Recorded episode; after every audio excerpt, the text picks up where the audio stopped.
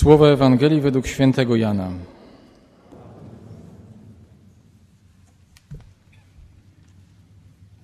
Po wyjściu Judasza z wieczernika Jezus powiedział: Syn człowieczy został teraz otoczony chwałą, a w nim Bóg został chwałą otoczony.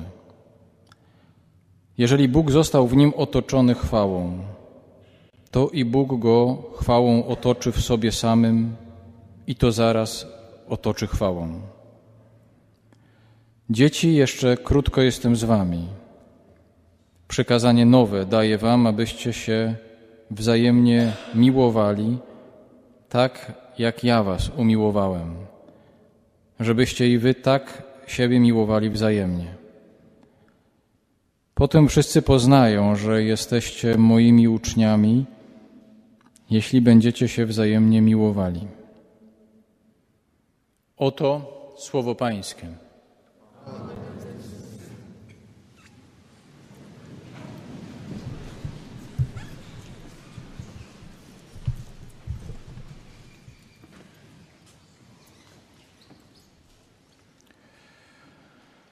Może tylko ja tak mam i może to e, niektórych z Was bardziej rezonuje, ale kiedy e, słyszę to zdanie o tym nowym przykazaniu, przykazaniu miłości, żebyśmy się wzajemnie miłowali tak, jak nas Pan Jezus umiłował, moje skojarzenie jest takie e, właśnie raczej z ołtarzem z Bożego Ciała, albo takim y, ciemnicą wielkoczwartkową, albo y, grobem pańskim i takim trochę napisem gdzieś y, ze styropianu.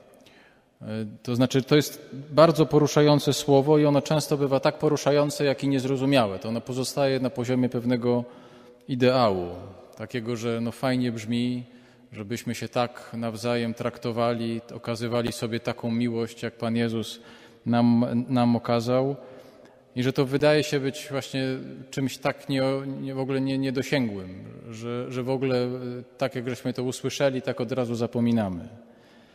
I być może e, kluczem do tego, żeby zrozumieć to przykazanie, jest pierwsze zdanie dzisiejszej Ewangelii e, po wyjściu Judasza z wieczornika.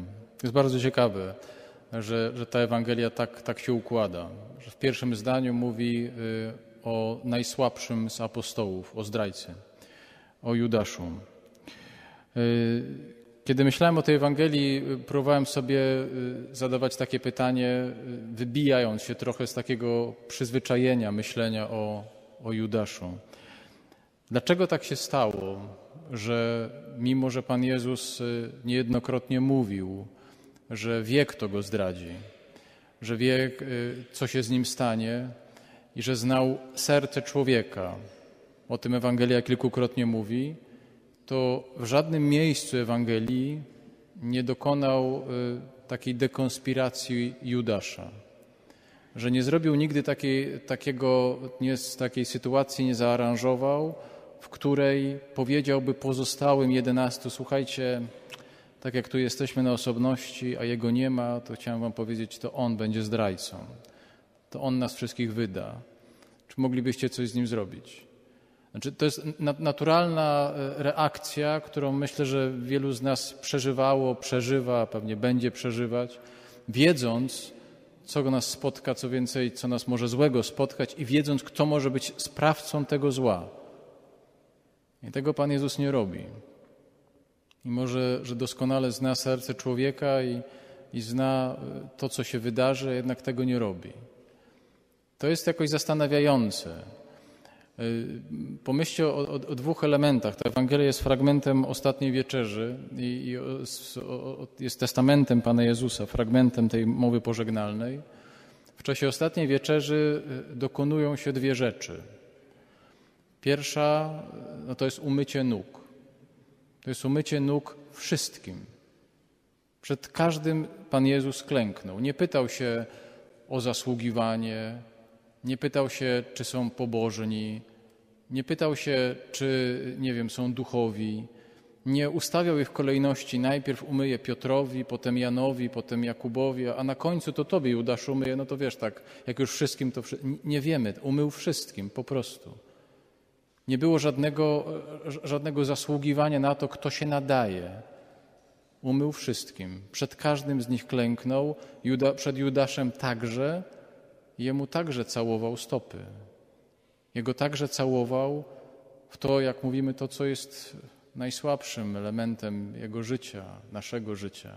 Tak rozumiemy ten gest. Ale to jest jeszcze nie wszystko. Nie wiem, czy, czy, czy kiedyś już to mówiłem o tym, jak spożywali ostatnią wieczerzę. O tym jest tylko jeden fragment w, w Ewangelii y, świętego Jana, kiedy y, Pan Jezus wyjawia, że jeden z was mnie zdradzi. Y, I Piotr nachyla się do, do Jana i mówi: Zapytaj mistrza, kto to jest, o kim mówi. Jak dobrze wiecie, nie spożywali ostatniej wieczerzy siedząc przy stole. Nie siedzieli na krzesłach, ale spożywali ją w pozycji półleżącej, jeden na drugim. To był gest ludzi wolnych. Niewolnicy stali, natomiast ludzie wolni mieli prawo leżeć i podpierać się na ramieniu. Jeden na drugim się podpierał. Tak spożywali ostatnią wieczerzę, bo to było przypomnienie Paschy, czyli miejsca, w którym stali się wolni. No i teraz tak. Piotr nachylił się do Jana, a wiemy, że Jan spoczywał na piersi Jezusa. No więc był Piotr, potem Jan, a potem Jezus. Jezus w odpowiedzi na to, co mu Jan szepcze do ucha, mówi: To jest ten, któremu teraz podam kawałek chleba umoczony w winie. I umoczył i podał Judaszowi. Ile można wykonać ręką leżąc gestu? Przez dwóch czy do jednego? Jednego człowieka czy do dwóch? No tylko do najbliższego. Tylko do najbliższego. Rozumiecie, że jeżeli po jednej stronie Jezusa był Jan, to po drugiej stronie Jezusa był Judasz. I jeżeli Jan trzymał głowę na piersi Jezusa, to Jezus trzymał głowę na piersi Judasza. Miał go najbliżej siebie. Słyszał bicie jego serca, bicie serca swojego zdrajcy. Myślę, że to jest, to jest ważne, że, żebyśmy zobaczyli, że ten, który był najsłabszy, ten, który był najbardziej nieprzekonany, ten, który był najbardziej wątpiący, był najbliżej Jezusa. Jezus chciał być najbliżej Niego. On łamie, Pan Jezus tym gestem łamie wszystkie te nasze schematy o tym, że im jesteś bardziej pobożny, tym jesteś bliżej mnie. Im jesteś bardziej duchowy, tym jesteś bliżej mnie. Oczywiście też, ale jego sposób widzenia ludzi jest taki: im bardziej jesteś wątpiący, tym ja jestem bliżej ciebie. Tym ja chcę być bliżej ciebie.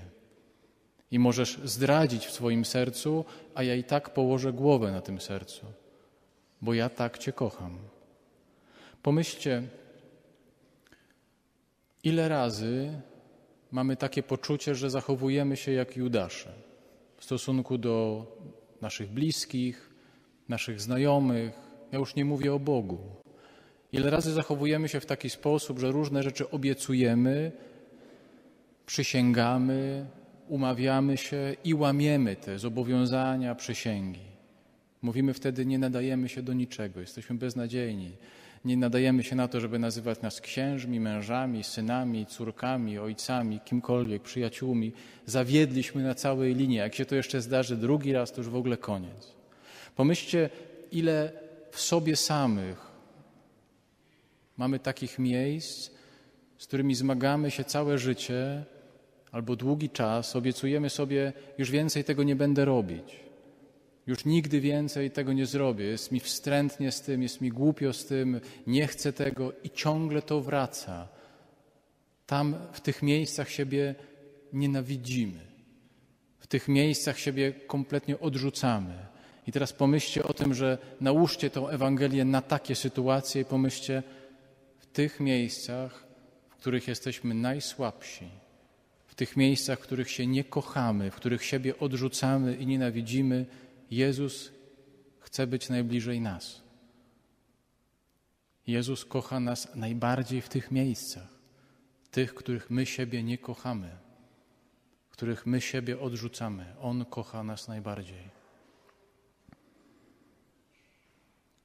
I teraz dopiero przeczytajmy sobie przykazanie o tym, że mamy siebie kochać tak, jak On nas kocha. My najczęściej to przykazanie czytamy od tyłu, od razu myśląc o naszych relacjach, od razu myśląc sobie, że chodzi o ofiarę, chodzi o poświęcenie, chodzi o rezygnację z siebie, o nieustające gesty miłości w stosunku do drugiego człowieka, nawet jeżeli on nas odrzuca, ciągle i nieustająco, bo trzeba to robić, bo nas do tego Pan Jezus wzywa, to prawda wzywa, tak, to wszystko jasne. Ale jeżeli zabieramy się za to przykazanie od tej strony, od końca, to bardzo szybko, albo może nie szybko, ale w którymś momencie nas łapie frustracja, zniechęcenie i zwyczajny brak sił, bo już nie mamy siły ciągle i ciągle wykonywać tych gestów miłości, robić sobie tego rachunku sumienia, że nie dorastamy do tej miłości. Ta miłość jest tu na krzyżu. Ona nas tak pokochała do końca. No to pomyślimy sobie, matko moja, jak to jest w ogóle możliwe? To gdzie mnie do tego? To ja się w ogóle to mogę się z tym schować, tym, z tym moimi prostymi, banalnymi gestami. I od razu rezygnujemy i kasujemy to przykazanie. Ale popatrzcie na to przykazanie od tej strony, jak Jezus traktuje każdego z nas. Jak traktował, potraktował Judasza i jak traktuje każdego z nas. Że równie dobrze o tej miłości możemy powiedzieć, że jest miłością otwartą, wrażliwą, nieuzależniającą, zostawiającą przestrzeń wolności, wyboru, szanującą wybory drugiego człowieka, nawet te, które są niezgodne z życiem Jezusa. Jest taką miłością, która daje się zranić. Jest miłością, która jest delikatna, wspierająca. No takiej miłości nas Pan Jezus też uczy. Zobaczcie, że kiedy my myślimy bardzo często, mi się bardzo często zdarza słyszeć od ludzi, co ja będę miał dzięki miłości Jezusa, skoro ona się wiąże tylko z wyrzeczeniem, z cierpieniem, z bólem. To jest oczywiście, ale w ogóle nie dostrzegamy tej, w ogóle tej drugiej wielkiej części, takiej miłości. Tak każdego z nas Jezus traktuje, tak nas kocha. I dopiero wtedy, kiedy zobaczymy, że to On mnie tak traktuje, że ja takiej miłości od Niego doświadczam, to ja mogę innym taką miłość przekazywać. Ale najpierw to ja jestem tak kochany. Ja, który często jestem beznadziejny, ja, który mam często zawód nad sobą, ja, który często siebie odrzucam, ale On mnie kocha, On się nie zmienia w tej miłości. Dalej klęka przed każdym z nas, umywa nogi, dalej z każdym z nas dzieli swój chleb, najbliżej nas i dalej tam, gdzie jesteśmy słabi, przykłada swoją głowę do naszego serca. Ja nie znam nasz, waszych serc. Nie znam, co się dzieje teraz w sercach waszych. Nie wiem, być może są tacy, którzy przeżywają ogromne dramaty w tym momencie. Może są tacy, którzy przeżywają ogromne cierpienie, są daleko stąd, myślą o różnych sprawach. Chciałbym Wam powiedzieć, na Waszej piersi leży głowa Jezusa tych, którzy przeżywają największe dramaty. Wasze serce, Jezus chce być najbliżej Waszego serca. Jest najbliżej Waszego serca. Dopiero wtedy możemy robić następny krok. Jeżeli tak przeżyjemy tą miłość. Miłość, o której papież Franciszek powiedział kiedyś, nigdy, ta miłość nigdy się nie zmęczy Tobą. Nigdy się nie zmęczy. My się męczymy często miłością. Bóg nigdy się nie zmęczy. Nasze wewnętrzne odczucia, które nam towarzyszą w przeżywaniu różnych dramatów, są niczym wobec niezmienności miłości Jezusa. Takiej miłości, która tak nas kocha, nawet za cenę tego, że możemy odejść, że możemy nim wzgardzić. Dalej nas tak kocha i takiej miłości nas uczy. I mówi: taką przekazujcie. To o tym jest to przykazanie. Tak o nim myślcie.